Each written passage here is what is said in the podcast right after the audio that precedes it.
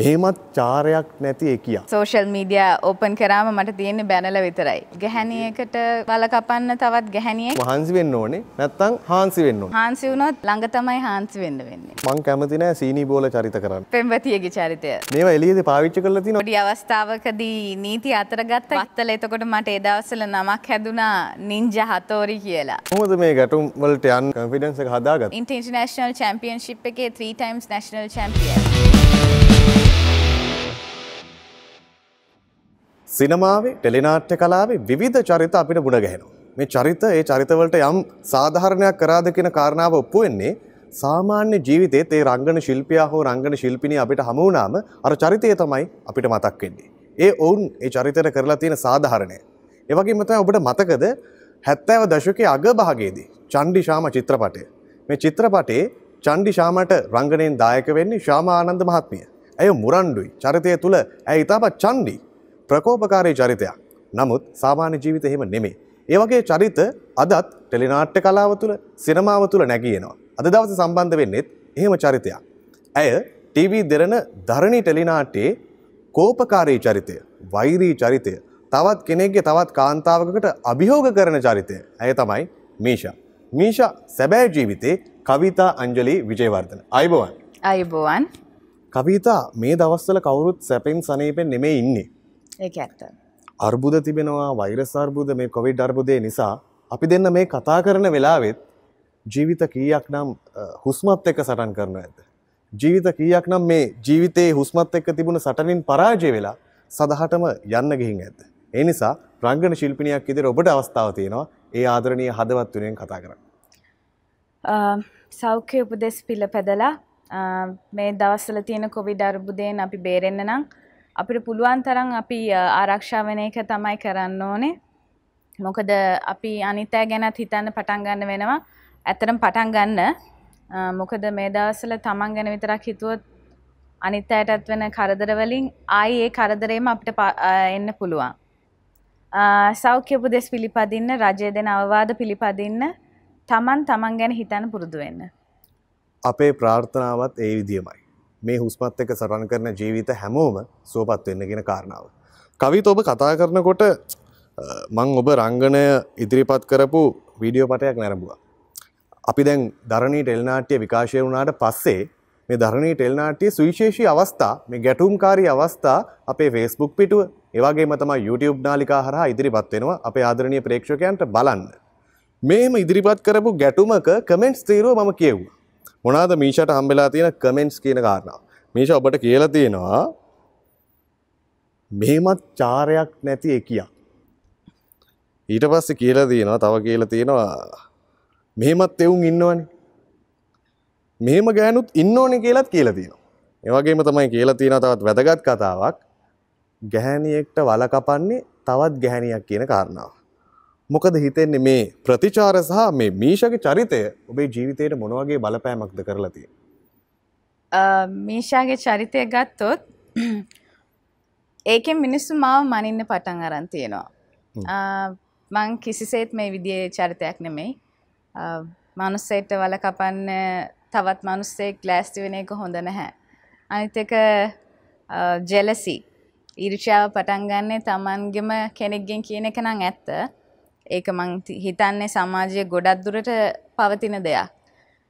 මිනිස්සුන්ට ඒ චරිතය ගොඩක් ලං වෙනවා ඇත්තේ තේරුම් ගන්න පුළුවන් වෙනවා ඇත්තේ මං හිතන්නේ ඒගොල්ලොන්ගේ පිටුපස චරිතය ඉදිරියට එන අවස්ථාවක් වෙනවා ඇති. එක්ක ඒගොල්ලොන්ට පෙන්වන්න බැරි පැත්තක්. ඒගොල්ලොන්ට පෙන්වන්න බැරි පැත්තක් මං හිතන්නේ තිරේ තුලින් ඒගොල්ලෝ දැකලා ඒක විඳිනවා ඇති. කියාගන්න බැරි දෙයක් ඒගොල්ලෝ කරන්න බැරි දෙයක් ඒක පෙන්නනවා ඇති. ඒක හින්දා මාවත් ඒ තැනට දාලා ඒගොල්ලෝ ජජ් කරනවා ඇති කියලා මට හිතෙනවා. දැන් ඒ චරිතය හින්දා මොන හරි සිදුවීම් අත්දැකීම් තියෙනවද බාහිර සමාජයේ? බාහිර සමාජයත් එක්ක කියන්නේ මම වැඩිය මූව් වෙන්නේ නැහැ.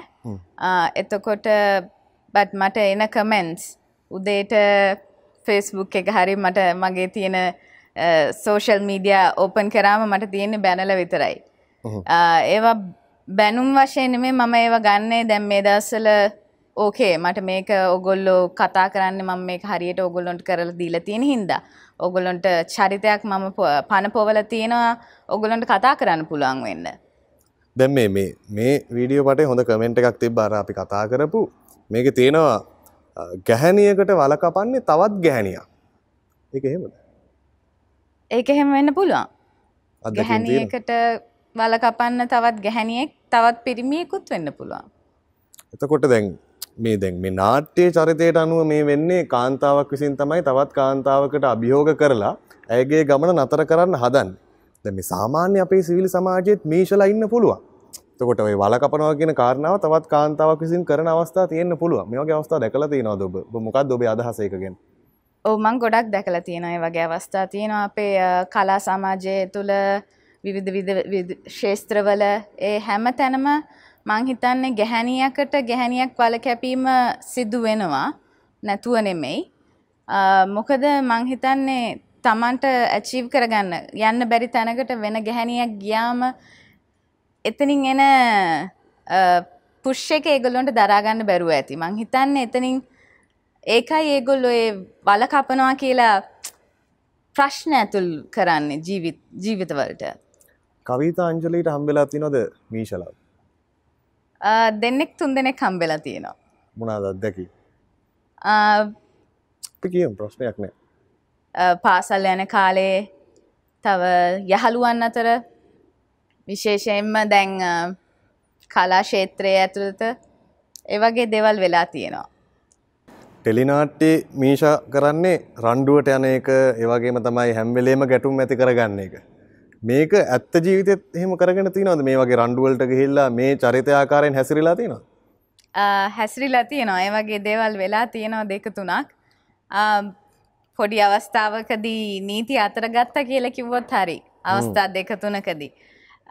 වත්තල එතකොට මට එදවසල නමක් හැදුනා නින්ජ හතෝරි කියලා. මොකක්ද නින්ජ හතෝරි නිංජ හතෝරි. ඒ අර මම මේ රංගනයට එන්න කලින් මගේ මල්ලිලත් එක්ක එලියට ගිය අවස්ථාවක පොඩි අවස්ථා දෙක තුනක් ඇක්චුවලි කොහොමද මේ ගැටුම් වලට යන්න මේ කන්ෆිඩන්ස එක හදාගත් මංහිතන මම ස්කෝල කාලෙදී කරාතෙ කරා ආහා. කරාතේ මම ඉන්ටර්නශනල් චැම්පියන්ශිප් එකේ 3 ටයිම්ස් නැශනල් චැම්පියන් තව ඒවගේ මං කුමිත තමයි කරේ වැඩිපුර කුමිති කියන්නේ ෆයිටිං මංහිතන් ඒකෙන් තමයි අභාෂයාවේ මීශලා ඉන්නේ පිටපත්තේ විතරක් නෙමේ. මීෂගේ චරිතයෙන් අපි ටෙලිනාට්‍යයක් කරා ඔබට කතා කරන්නේ මෙහෙම චරිත ඇත්ත සමාජය ඉන්නවා කියන කාරණාවත් පෙන්වන්න. දැන් කවිතා අංජලිට හම්බෙලා තියෙනවා එහෙම චරිත. දැන් කවිතා. එහෙම චරිතයක් හම්බුනාම කොහොමද ඔබ මුහුණ දෙන්නේ? මොන වගේ විදියට ඒවට රියැක්ට් කරන්නේ? මම රියැක් කරන්න හැ ඇත්තටම එතකොට මම කරන්න එතනින් අයින් වෙන එක. ඒ කියන්නේ ඒ මනුෂ්‍යයාගෙන් අයින් වෙන එක. රියැක් කරොත් මාත් ඒ තත්ත්වයට පත්වෙනවා කියන හැඟීම මට එනවා.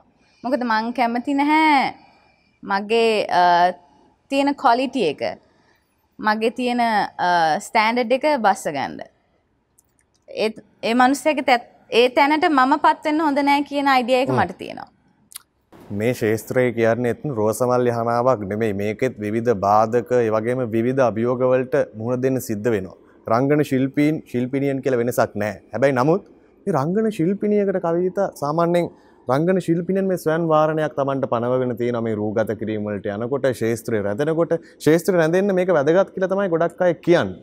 ඔබේ මතය මොකක්ද? ඇත්තටම ශේස්ත්‍රයේ රැඳෙන්න නම් අ, විනීත භාවයක් තියෙන්න ඕනේ. තමන්ටම හදාගත්ත අ, යම් කිසි මාර්ගයක් යම් කිසි නීතිමාලාවක් දාගන්න ඕනේ තමන්ම. මොකද කිව්වොත් අ, අර කතාවකට කියනවනේ බල්ලෙක්ව අතෑරියොත් බල්ල හැම තැනම දුවනවා කියලා. ඒ වුණාට ග්‍රිප් එකක් දාලා අල්ලගෙන ඒ ගමන ගෙනිච්චොත් ඒ ගමන යනවා. ඒක නිසා මං හිතන්නේ මම මම සාමාන්‍ය ෂූටිං යද්දී අ, මං ෆස් බලනවා බැක්ග්‍රවන්් එක. කවුද කාගෙද? ආයතනය මොකක්ද හැම චරිතයටම ඕ කියන්නත් හැම දෙයක්ම ලබ- ලබාගන්න ගියොත් ඒක ප්‍රශ්නයක් වෙනවා. හැබැයි හරි චරිතයක් හරි විදියට කරන්න ඉදිරියට යන්න පුළුවන් නම් ඒ විදියට කරගෙන යන එක හරි. Um, තව අනිත් දෙයක් තමයි ෂූටිං රුගත කිරීම් කරද්දී අ, තමන්ගේ ගෙදරින් කවුරු හරි එක්කන් එන්න පුළුවන් කැමතිනම් නැත්තං තමන් දැනගන්න ඕනේ තමන්ගේ තැනතියාගෙන ඉන්න විදිය. ඒ කියන්නේ අනිත් අයත් අනිත් අයගේ තැන තියාගන්න නැත්තං එකම විසිදුම තමන් තමන්ගේ තැන තියා ගැනීම තමයි. තව කරුණක් මේකට එකතු කරන්න පුළුවන් අපිට ඔබ දන්නවතර ඉන්දියාවේ චිත්‍රපට ශේෂත්‍රයේ රන් තරුවදයෙන් ඉන්දියාව ඔව් බොලිවුඩ් හොලිවුඩ් අතරතම මේ දෝලනය වෙන්නේ. එක්තරා මාධ්‍ය වේදියෙක් පුවත්පත් සාකච්ඡාවකද මීට වසර ගණනාවකට පෙර චිත්‍රපට අධ්‍යක්ෂවරයගෙන් අහනවා නවක නිලියක් මේ ශේෂත්‍රයට ආවහම මේ එන රංගන ශිල්පිනිය දියුණු වෙන්නේ. එහෙනම් මේ ශේෂත්‍රය තුළ කොහොමද තරුවක් වෙන්නේ කියන කාරණාව මොකෙන්ද තීරණය වෙන්නේ කියලා. ඒ චිත්‍රපට අධ්‍යක්ෂවරයා පිළිතුරක් දෙනවා තුනයි ක්‍රම තුනයි තියෙන්නේ. එකක් තමයි කමිට්මන්ට්. අනිත් එක තමයි ෆැමිලි බැක්ග්‍රවන්් තුන්වෙනි එක තමයි හෝ කියන්නේ ස්ලීප් කියලා. අපි පරිවර්තනය කරගත්තොත් ඔය කියන්නේ දියුණු වෙන්න එක්ක මහන්සි වෙන්න ඕනේ නැත්තම් හාන්සි වෙන්න ඕනේ කියලා. මේක මේ රංගන ශිල්පිනියන්ටනේ මේ ඇඟිල්ල දික් කරන්නේ. එතකොට ඔබලා රංගන ශිල්පී. එතකොට ශිල්පිනියක් විදියට මේ කතාවට පිළිතුරක් දෙන්න ඕනේ ඔබ. හාන්සි වෙන්න ඕන්නෑ මම හිතන්නේ ඉදිරියට යන්න හාන්සි වුණොත් ළඟ තමයි හාන්සි වෙන්න වෙන්නේ. මොකද දුර හාන්සි වෙන්න වෙන්නේ නැහැනේ ඉදිරි ගමනක්. ඉදිරි ගමනක් නැහැ. මොකද අද මං ආවම මට පස්සේ තව කොච්චරක් එන්න ඉන්නවද. ඔප්ෂන් එකක් වෙන්න නැතුව ටාගට් එකක් වුණා නම් හරි කියලා මං හිතන්නේ. අනිත් එක ෆැමිලි බැක්ග්‍රවුන්ඩ් එකක් මට තියෙනවා. ඒ ෆැමිලි බැක්ග්‍රවුන්ඩ් එකයි මගේ කමිට්මන්ට් එක. මං මං හදාගෙන තියෙන පැත්ත ඒ විදියට මට යන්න පුළුවන් නම් මං හිතන්නේ තුන්වෙනි ඔප්ෂන් එකට තුන්වෙනි තැනට වැටෙන්න උවමනා වෙයි කියලා. මං ඒක කිසිසේත්ම හරි කියලා කියන්නේ. ෆැමිලි බැක්ග්‍රවන්් එක කතා කරපු හින්දා මේක එකතු කරන්නේ. ඇය ලංකාවේ ප්‍රවීණ රංගධර බැප්ටිස් ප්‍රනාාන්තු මහත්මයාගේ මිනිපිරිය ඒ ගැන මතකත් පොඩ්ඩක් අපි අවද කරමු. ඔව් මගේ සීය බැප්ටිස් වනෑන්ඩෝ පණහා හැට හැත්තෑව දශකයේ ඔහු දුෂ්ටේක් වීරයෙක් යන දෙවිදියෙන් මාවා. සිනමාව ගැන ඉගෙන ගත් එහුගෙන්. දැන් අපි කතා කරමින් සිටියේ කාන්තාවක් කොහොමද මේ රංගන ශේත්‍රය තුළ කටයුතු කරන්න ඕන කියන කාරණාව. ඔබට මේ ශේත්‍රය තුළ මොන හරි අමිහිරි අත්දැකීම් අත්විඳින්න වෙලා තියෙනවද මේ කාලවකවානුව තුළ? ඔව් ඇත්තටම මං මගේ ෆැමිලි බැක්ග්‍රවන්් එක හින්ද මගේ සීයගෙන් මට ඒ ලැබිච්ච දායාදය හින්දා මම ගොඩක් තැන්වලට ගියාම අපහසුතාවයන් වලට ලක් වෙලා තියෙනවා මොකද ඒගොල්ලු මාව මනින්නේ මේක ඔයාට නිකං ලැබුණ දෙයක් මගේ මං කොහොමද එතන්ට මගේ අ, මොලේ පාවිච්චි කරලා හරි නැත්තම් මම මගේ ශක්තියෙන් මං එතන්ට ආවට හැම වෙලේම මගේ බැක්ග්‍රොප් එක තියෙන්නේ අ, නැහැ මෙයාගේ සීය හින්ද තමයි මෙයාට මෙතැන්ට එන්න තු- ලැබුණේ කියලා. ඒ වගේ ගොඩක් කතා අහන්න වෙනවා. ඊට පස්සේ එතන මිනිස්සුන්ගේ අ, චරිත වෙනස්. ගොඩාක් ගොඩාක් එතන්ට ලැදි අය ඉන්නවා ගොඩාක් වෙනස් චරිත ඉන්නවා. ඒ චරිතත් එක්ක මූව් වෙන්න පළවෙනි පාර පටන් ගද්දි ඒක බොහොම අමාරුයි. ඒ වගේ දේවල් තමයි. මං ඒවට තාමත් මුහුණ දෙනවා. ඔබ කතා කරපු පුවත්පත් සම්මුඛ සාකච්ඡාවක් මං කියෙව්වා. හරි. මේ පුවත්පත් සම්මුඛ සාකච්ඡාවේ ඔබෙන් අහනවා මේ චරිත ලබා ගැනීම සම්බන්ධයෙන්. ඔබ එක තැනකදී පිළිතුරක් දෙනවා මං කැමති නෑ සීනි බෝල චරිත කරන්න කියලා. මොනවාද මේ රංගන ශාස්ත්‍රයේ තියෙන සීනි බෝල චරිත? ආ, පෙම්වතියගේ චරිතය මං කැමති නෑ. ඒක ස- ම- මෙහෙමයි. පෙම්වතියගේ චරිතය සීන බෝල චරිතයක් කියලා කියනව නෙමෙයි. ඒකත් කරන්න අමාරුයි.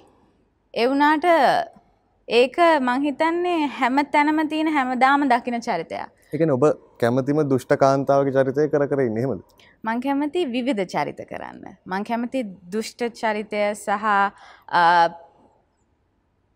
පොලිස් කාන්තාව කාන්ත බලවේග යන වගේ චරිත කරන්න කැමතිීමං ඒගැන මේ මේ යම් කිසි ආධිපත්වයක් එකැන කාන්තාව කියන්නේ මේ ප්‍රේමවන්තියම නෙමෙයි.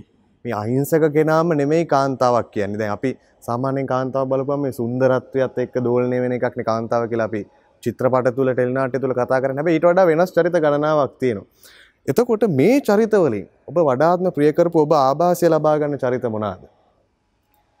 මම කැමති ඔෆ්කෝස් මං කැමති දුෂ්ට චරිතයක් රඟපාන්න ඒක තමයි මම ෆෝකස් කරන්නගෙන මම කැමති ඒකට මොකද මට මං නොවන චරිතයක් රඟපාල පෙන්න්න පුලා එතන තමයි රඟපෑම කියල කියන්නේ. මම කැමති තව පොලිස් කාන්තාවක් විදියට රඟපාන්න. තව තියෙනවා සෝෂල් ස්ටේටස් සඳහා කරන චරිත.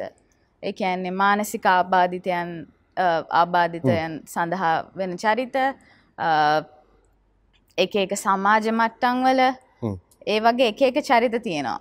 වෙන මිනිස්සු කරන්න කැමති නැති චරිත තියෙනවා ගැහැනු ළමයෙක් වශයෙන්. මං කැමති ඒව පොඩ්ඩක් කරලා බලන්න. දැන් සමාජ මාධ්‍ය පරිශීලනය කරනකොට මේ ටෙලිනාට්‍ය කලාව තුළ එත්තකොට අපි රූපවාහිනියෙන් ගුවන් විදුලියෙන් නරඹන ප්‍රේක්ෂකයට වඩා වෙනස් ප්‍රේක්ෂකයන් පිරිසක්තය මේ සමාජ මාධ්‍ය තුළ ඉන්නේ. රූපවාහිනිය නරඹන කෙනගේ මානසිකත්වය නෙවෙයි වෙන්න පුළුවන් සමාජ මාධ්‍ය පරිශීලකයගේ තියෙන්නේ. එතකොට මේ සුළු පිරිසක් ගොඩනගපු කතාවක් ගැනම මේ කියන් මේ නවක රංගන ශිල්පීන් අලුතෙන් මේ ශේෂත්‍රටන රංගන ශිල්පීන් මෝඩයි. මෙහෙම කියන. එතකොට මේ කොල්ලොන්ට මේ පිටපතකට රඟපානව ඇරෙන්න වෙන දෙයක් කරන්න බෑ. මේ කොළොන්ට පුළුවන් මේ ෂූටින් එකට ඇවිල්ලා කොලේ තියෙන ටික කියලා යන්න. මේකොට මේ රටේ ප්‍රශ්න ඊට පස්සේ එතනින් එහාට මොකක් හරි මතයක් ඉදිරිපත් කරන්න බුද්ධියක් දැනුමක් නැහැ කියන කාරණාව ඇතැම් පිරිස් මතු කරන්න උත්සාහ කරා පසුගිය කාලේ. ඇත්තටම නවක ශිල්පීන් ඇයි මේ ඒ තත්ත්වයට වැටිලා තියෙන්නේ? මං හිතන්නේ නවක ශිල්පීන් තමන්ගේ හඬ එලියට දානවා මදි. අඩුයි. අඩුයි කමියනිකේෂන් එක අඩුයි මුලින් මහන්න ඕන ඉතිං ස්ක්‍රිප් එකක් අරගෙන ඒ කතා කරනයට ස්ක්‍රිප් එකේ ඩයිලොක්ස් කියල පෙන්න්න පුළුවන්ද ඒකත් බොහොම අමාරු දෙයක්. ස්ක්‍රිප්ටයක් ගත්ත පලියට ඒ අරගෙන කියව පලියට ඒක ඉමෝෂන්ස් එන්නේ නැහැ. ඒ ඉමෝෂන්ස් ගන්න දැනගන්න ඕනේ. අනිත් එක සාමාන්‍ය ජනතාව වගේම අපිටත් කියන්නේ රංගන ශිල්ප ශිල්පිනියන්ටත් ප්‍රශ්න තියෙනවා. අපිටත් කොවිඩ් වලින් ප්‍රශ්න ඇවිල්ල තියෙනවා. ඒ සියල්ල දරාගෙන එදාට ෂූටිං ගිහිල්ලා ඒ ප්‍රශ්න අමතක කරලා දාලා ඒ ෂූට්ටගේ නිරතවීමත් එක්තරා ලොකු දෙයක් අනිත් එක තමයි මං හිතන්නේ ගොඩක් ශිල්ප ශිල්පීනියන් එඩියුකේෂන් එකින් අධ්‍යාපන මට්ටමින් උසස් තැනක ඉන්නවා. ඒගොල්ලොන්ගෙන් ඒ ප්‍රශ්න ටික හරියට අහන්න නැති එකයි ප්‍රශ්නේ කවීතා අංජලීට කරන්න පුළුවන් දේ මට කරන්න බෑ. මට කරන්න පුළුවන් දේ තව කෙනෙක්ට කරන්න බෑ. විශේෂයෙන්ම දැන් මේ මේ මේ වැඩසටහනේ අපේ පසුබිමින් ඉන්න කැමරා ශිල්පීන් කරන දේ අපිට කරන්න බෑ. එක එක අයට කරන්න පුළුවන් දක්ෂතා හැකියා විවිධත්වයක් තියෙනවා. නමුත් එහෙමයි කියලා එකලොන්ගේ දැනුමේ අඩු බවක් හෝ බුද්ධියේ අඩු බවක් හෝ මේ මත ඉදිරිපත් කිරීමේ ප්‍රශ්න හෝ ගැන කියලා ඒවා ඒ තැනට කොටු කරන්න බෑ කාටවත්. මම අදහස් කළේ අර සමාජ ඉන්නවනේ මේ වගේ කතා ගොඩනගන පිරිස්. ඔබ මේ සමාජය කතා කරන්න අකමැති මාර්තුකා මොන හරි තියෙනවද? ඔව් මන් ආස නැති දේවල් තියෙනවා මොනවාද? මං කැමති නෑ නවක වදය ගැන කතා කරන්න. කතා කරන්න කැමති නෑ නෙමෙයි මම ඒ දේට කැමති නෑ. ඒක නොබ අත්විඳලා තියෙනවද නැත්නම් ඔබේ අත්ඉඳල නැහැ මම අහලා තියෙනවා. මට කතා කරල තියෙනවා මං කියෝල තියෙනවා. මට මිනිස්සු කියල තියෙනවා යහළු ඉහෙලියන් ගිහිල්ලා ඒවා විඳපු අය. ඒගොල්ලොන්ගේ මානසික මට්ටම එක බලද්දේව වෙනස්. මං කැමති නෑ ඒ- කාට හරි වදයක් දීම. එක සුන්දර දෙයක් නෙමේ මං හිතන විදියට අනිත් එක තමයි පුරුෂාධිපත්‍යය ගැන. තැනකට ගියාම මං හිතන්නේ සම සමව සලකන්න ඕනේ දෙපැත්තටම. මොකද එක තැනකදී එක්කෙනෙක් උසස් වෙලා අනිත් එක්කෙනාට ඒ ඒ විදියටම කොලිෆිකේෂන්ස් තියෙනවන ඒ තැනම ලබා දෙන්න පුළුවන් නම් ඇයි ඒක වෙනසක් කරන්නේ? දැන් අපේ රටේ 152ක් කාන්තාවන් 148යි මම දන්ට දත්තයට අනුව පිරිමි පාර්ශවය ඉන්නේ. ඔබ කියන විදිහට එච්චර ජනගහනයක් ඉඳලත් කාන්තා පාර්ශවේ නිසි තැන ලැබෙන්නේ නැහැ කියන කාරණාවනේ ඔබ කියන්නේ. ඇයි එහෙම වෙන්නේ? මං හිතන්නේ කාන්තාවන් නිසි තැන ලබාගන්න උමනාවක් කරන්න. ඒගොල්ලු ඉදිරියට එන්න ඕනේ. තමන්ගේ තැන තමන් ලබාගන්න ඇතුව තමන්ට කවුරුත් ඒක පිඟානක දාලා ගෙනල්ල දෙන්නේ නැහැ.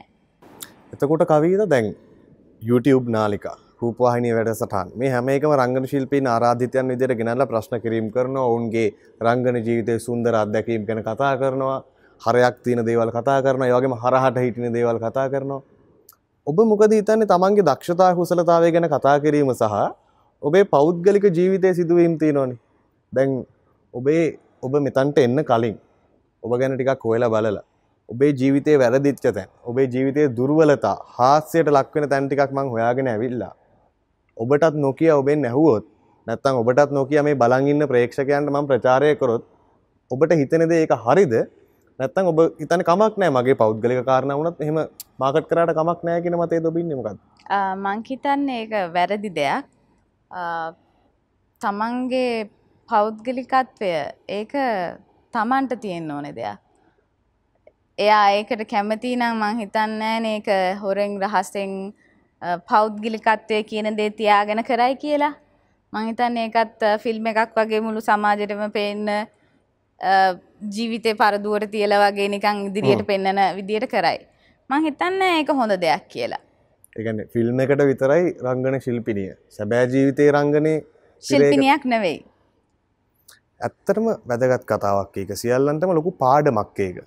ගැන රංගන ශිල්පිනියක් හෝ ශිල්පියෙක් අපි ආරාධනය කරනවා නම් ඔහුගේ රංගන ජීවිතය කුසලතා හෝ ඔහුගේ වෙනත් දක්ෂතා ඒවගේ තමයි වෙනත් කුසලතාගෙන කතා කරන්න අපිට අයිතියක් තියෙන හැබැයි කවදක්වත් අපිට අයිතියක් නෑ රංගන ශිල්පියගේ පෞද්ගලික ජීවිතය ශිල්පිනියගේ පෞද්ගලික ජීවිතය අපේ මාර්ථකාවක් කරගන්න.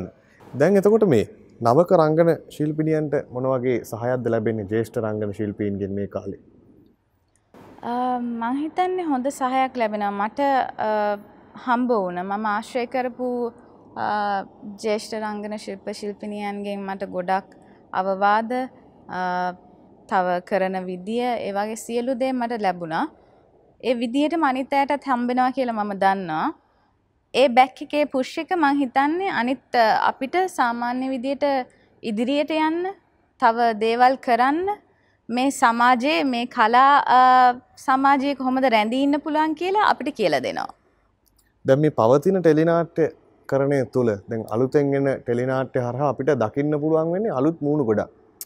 දැන් පසුගේ කාලවකවානුව ගත්තහම අපේ ජේෂ්ඨ රංගන ශිල්පීන් ප්‍රවීණ රංගධරයන් රංගනය නිදිරිපත් වෙනවා සහභාගි වෙනවා.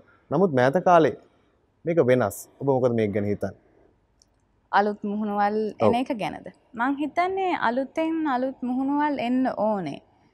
හැබැයි ඒක රඳා පැවැත්මක් තියෙන්න ඕනේ. තමන් ආව හරි එතනින් එහාට ඒක විතරද? එතනින් එහාට නැද්ද?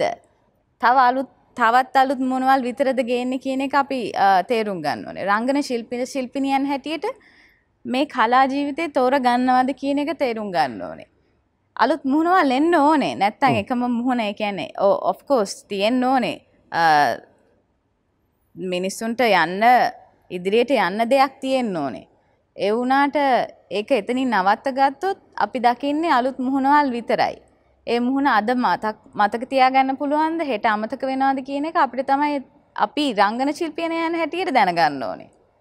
එක පවත්වාගෙන යන්න මොනවගේ දේවල් රංගන ශිල්පීන් ශිල්පිනියන් කරන්න කැපවීම් කරන්න ඕනේ. තමන්ගේ නීති මාලාවක් මං ඉස්සල කිව්ව වගේ තමන්ට නීති මාලාවක් හදාගෙන කමිට්මන්ට් එකක් තියාගෙන. මම මේක ඉදිරියට යනවා මේ රංගන ශිල්පිනියක් වශයෙන් මම මේක කලාවට දායාදයක් දෙන්න ඕනි කියන එක තියෙන්න ඕනේ. නැත්තම් මං අද ඇවිල්ලා හරි මම මේ කරා මං හෙට මම මේ කරේ හොබියකට විතරයි. මේක මගේ නිකං මං ආසාවට කරේ එතනින් හට මන්නෑ එහෙම අයත් ඉන්න පුළුවන්. හෙම අය නැතුව නෙමේ එකන විනෝදාංශයක් විදියට. ඔවු. එහෙමත් අයි ඉන්නවා. එවුනාට මංහිතන්න ඉදිරියට යෑමක් තියෙන්න්න ඕන්න මංහිතන්නේ තමන් අධිෂ්ඨාන කරගන්න ඕන මං මේ කියනවා ඉදිරියට යන මං කලාවට දායාද කරනවා මගේ මගේ නිර්මාණ දැන් කාලයක් තිබුණ ටෙලිනාට අධ්‍යක්ෂවරු නිෂ්පාදකරුන් සිනම අධ්‍යක්ෂවරුන් හොයාගෙන නව රංගන ශිල්පී අවස්ථාවක් ගන්න මට අවස්ථාවක් දෙන්න කියල්. දැන් එක වෙනස් වෙලා දැන් නිෂ්පාදකරුන් එකතු වෙලා මෙන්න මෙයාව තමයි ගන්න මෙයාව තමයි ගන්න ඊටසේ සම්මන්ත්‍රණ වැඩමුළු මේ වගේ දේවල් තියෙනවා. එතකොට කාලයත් එක්ක සමහර දේවල් වෙනස් වෙලත් තියෙනවා. එතකොට මේ රංගන ශිල්පීන් යොදා ගැනීම සම්බන්ධයෙන් ඒ වගේම තමයි ඔවුන්ව නිෂ්පාදකරුන් තෝරා ගැනීම සම්බන්ධයෙන් විවිධ කාරණා සමාජය තුළ මතුවෙන. ඔබ මොකද මේක ගැන හිතන්නේ? මං හිතන්නේ ඒ දවස්වල වගේම තමයි නිෂ්පාදකවරුන්ගේ අධ්‍යක්ෂකවරුන්ගේ අයිඩියස් තෝරා ගැනීම් සිදුවෙන්නේ මන් දන්න විදියට. හැබැයි තමන්ට උමනාවක් තියෙනවනම් මං හිතන්නේ නිෂ්පාදකවරයෙක් හරි අධ්‍යක්ෂකවරයෙක් ළඟට ගිහිල්ල කතා කරලා තට්ටු කරොත් දොරාරෙනවා කියන එක තමයි මට කියන්න තියෙන. ඉල්ලන්න හම්බ වෙයි. හම්බ වෙන්න නැත්තම් you try again. ද මේ ටෙලිනාට්‍යයට ඊට පස්සේ ඔබ සිනමාවටත් මං හිතන්නේ අවතීර්ණ වෙලා තියෙනවා කොහොමද මේ සිනමාව සහ ටෙලිනාට්‍ය ඔබ දකින්නේ මේකේ මොනවද ඉදිරි බලාපොරොත්තු සිනමාවට මං අවතීර්ණ වුණේ මගේ අ, බාප්පවන ලාල් ප්‍රියදේව මහත්මයාගෙන් සිනමාවට මං කැමතියි. සිනමාව එක්- එක්- අ, ගොඩාක් විවිධ ලොකු පරාශයක් තියෙන දෙයක්. ඩ්‍රාමාස් ගත්තොත් එහෙම මට ඒකේ කියන්න ගොඩක් දේවල් තියෙනවා. සිනමාවේ වෙනස් දේවල් තියෙන. ඒ ෂූටිං අත්දැකීම් වලින් මට ඒක මං දෙකටම කැමතියි. ද ඔබේ සීය කාලයේම ලංකාවේ සිනමාවේ ස්වර්ණතම යුගයක් තිබුණා කවුට හරි චෝදනා කරන්න පුළුවන් ඒ තිබ්බ ස්වර්ණමය යුගය මේ වෙද්දි නැතිවෙලා තියෙනවා කියලා. ඔබ මොකද ඒ ගැන ගැනද ඔබල රංගන ශිල්පීන් දැන්ඉන්න දලුත් නිෂ්පාදකරුන් ඉන්න අධ්‍යක්ෂවරුන් ඉන්නවා. ඇයි ඒ ස්වර්ණම යුග අපිට ගිලිහුණ? ඇයි නිශ්මේ අලුත් සිනමා නිර්මාණ හරි විදියට කරන්න බැරි? මේ දවස්සල තත්ත්වත් එක්ක මං හිතන්න සිනමා කෘති කරාට පස්සේ එලියට දාන්න පුළුවන් වේ කියලා. අනිත් එක චිත්‍රපට සංස්ථාවේ තියෙන ප්‍රශ්න. ඒවත් එක්ක මං හිතන්න එලියට දාන්න පුළුවන් ඉඩක් ලැබෙනවා කියලා. ආර්ථික ප්‍රශ්න නිසා මිනිස්සුන්ගේ තියෙන ආර්ථික ප්‍රශ්න නිසා ෆිල්ම් හෝල් එකකට ගිහිල්ලා මනුස්සෙක් සතුටෙන් ඉඳගෙන ෆිල්ම් එකක් බලන තත්ත්වයක් දැන් නැහැ. ඒක හැම දෙයක්ම දැන් ඇවිල්ලා තියෙන්නේ ඔන්ලයින් නැත්තං සෝෂල් මීඩිය වලින් තව තියෙන ඔය ඔන්ලයින් සෙටප් හ්ම්. ඒක තමයි වෙලා තියෙන්නේ.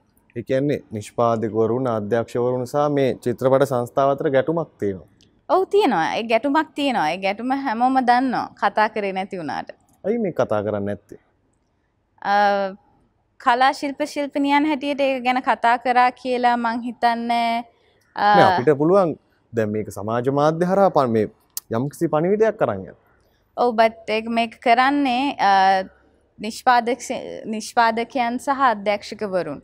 ඒ දෙදෙනාට තියෙන්න ඕන හැඟීමක් මේක ඉදිරියට ගෙනියන් ඒත් මේ ආර්ථික තත්ත්වයක්ත් එක්ක මම හිතන්න නැහැ අ, ළඟදීම අපිට ඉස්සර අර ස්වර්ණමය යුගය වගේ යුගයක් ගේන්න පුළුවන් වෙයි කියලා. අධ්‍යක්ෂවරුන් ඉන්න අපිට. නිෂ්පාදකවරුන් ඉන්න අපිට. ඔබ වැනි දක්ෂ රංගන ශිල්පීන් ශිල්පිනියන් ඉන්නවා.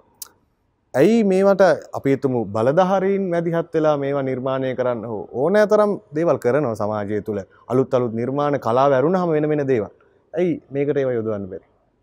පුළුවන්. අ, මං හිතන්නේ ගොඩක් හොඳ නිර්මාණ කරන්න පුළුවන්. ඒත් ඒ නිර්මාණයක් අ, ප්‍රේක්ෂකයෙක් වශයෙන් ගිහිල්ලා ඉඳගෙන බලන්න අවස්ථාවක් තියෙනවද ලංකාවේ? නැත්තම් මේ නිර්මාණ කරලා අපිට පුළුවන් අ, පිටරටවල් වලට වෝඩ් සෙරමනි වලට වෝඩ්ස් වලට දාලා වෝඩ් එකක් දිනාගන්න පුළුවන්. ඊට පස්සේ අපේ රටට නම්බුවක් ජාත්‍යන්තර නාමයක් ගේන්න ගන්න පුළුවන්.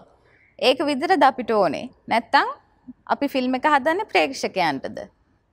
එතනයි අපි හිර වෙලා ඉන්නේ. තමත් වැදගත් කාරණාවක් තමයි එය මතු කරන්න. ලංකාවේ සිනමාව ටෙලිනාට්‍ය කලාව හා සමානෝම යන්න ඕනගෙන මතයක තමයි සියලු දෙනාම ඉන්න. දැන් මේ ටෙලිනාට්‍ය ටෙලිනාට්‍ය අතර තරගයක් තියෙනවන අපේ රටේ. දැන් මේ ටෙලිනාට්‍ය තරගේ සමාජ මාධ්‍ය තුළත් තියෙනවා YouTube නාලිකා හරහත් තියෙනවා රූපවාහිනියත් තියෙන ඔබ කොහොද මේක දකිින් මං හිතන්නේ තරගයක් තියෙන්න ඕනේ. එතකොට තමයි ඉදිරියට එන්නේ හොඳ අ, නිර්මාණ. මොකද එකම කතාව චැනල් තුනක ගියොත් එක්- එකම විදියට මං හිතන්නේ මිනිස්සුන්ට රසාස්වාදයක් තියෙයි කියලා. අ, කොට්ටාශ වශයෙන් මං ගත්තොත් අ, කාන්තාවන්ට සහ අ, පිරිමි පාර්ශවයට වෙනම ඒ වගේ කතාන්දර තියෙනවා ගොඩක් දැන්. තරුණ තරුණියන්ට ඉස්කෝලෙ ළමයින්ට ඒ වගේ දැන් කැඩිලා එන එකත් මං හිතන්නේ හොඳයි කියන එක. දැන් අපි ටීවී දෙරන තුළ විධ පරාසවල ටෙලිනාට්‍ය සමාජගත කරනවානේ. ඔබ මොකද හිතන්නේ කෙනෙ කැනෙ ධරණී ටෙලිනාට්‍යය තියෙන්නේ වෙනම දෙයක්. ස්කෝල ටෙලිනාට්‍යය තියෙන වෙනම දෙයක්. සිදුව ටෙලිනාට්‍යය තියෙන වෙනම දෙයක්. දෙවනි නිමිතින තව දෙයක් ඔබ කොහොද මේ විධත්වය දකිින් මං හිතන්නේ විවිධත්වය හොඳයි. ඒ විවිධත්වයෙන් තමයි මිනිස්සුන්ව අල්ලලා අපි එතන රැස් කරගෙන තියෙන්නේ. මිනිස්සුන්ගේ සියලු සමාජ තත්ත්වයන්ට කතා කරන්නේ අපි එතනින්. මිනිස්සුන්ට කෑනෙ කැනෙ ළමයින්ට තව අපි ලොකු වැඩිහිටියන්ට සියලු දෙනාටම අපි කතා කරනවා කියන එක තම එතනින් තියෙන්නේ. අවසාන වශයෙන් ඔබට රංගන ශිල්පිනියක් විදිහට යම් පණවිඩයක් සමාජගත කරන්න අවස්ථාවක් තියෙන ඔබට කියන්න බැරි වෙච්ච දේවල් ඇති. දැන් අවස්ථාව. ආ, රංගන ශිල්පනයක් විදියට මම කියන්නේ ආ, ඉදිරියට එන අයට අත දෙන්න ආ, මිනිස්සුන්ගේ බලන්න මොනා දේගොල්ලොන්ගේ පෙන්නන චරිතය නෙමෙයි. එකැන ඔබ දකින චරිතය නෙමේ තව චරිත තියෙනවා. තව ඇතුලාන්තේ දේවල් තියෙනවා. ඒවලට ගරු කරන්න පුරුදු වෙන මිනිස්සුන්ගේ කලා ජීවිතයට අතක් දෙන්න. ආ, තව අපි ගොඩක් නිෂ්පාදන කටයුතු ඒවල් නිරිත වෙන්නේ බොහොම අමාරුවෙන් මේ දවසල ඔබ- ඔබලට කොහොමාරි එක ගේන්න අපි අපි යනවා ෂූටිං යනවා අන්න ඒවා පොඩක් ගැන හිතන්න සෞඛ්‍ය සම්පන්නව ඉන්න. මීෂගේ චරිතය පිටපතකට විතරක් සීමා වෙලා. සැබෑ ජීවිතේ සුන්දරව කවිතාංජලි විජයවර්ධන විදිහට ඔබේ කලා ජීවිත ඉස්සරහට ගෙනයන්න. අපි ඔබට සුබ පතනවා. ඔබට බොහොමත්ම ස්තුතියි. තැංකූ අයිබෝන්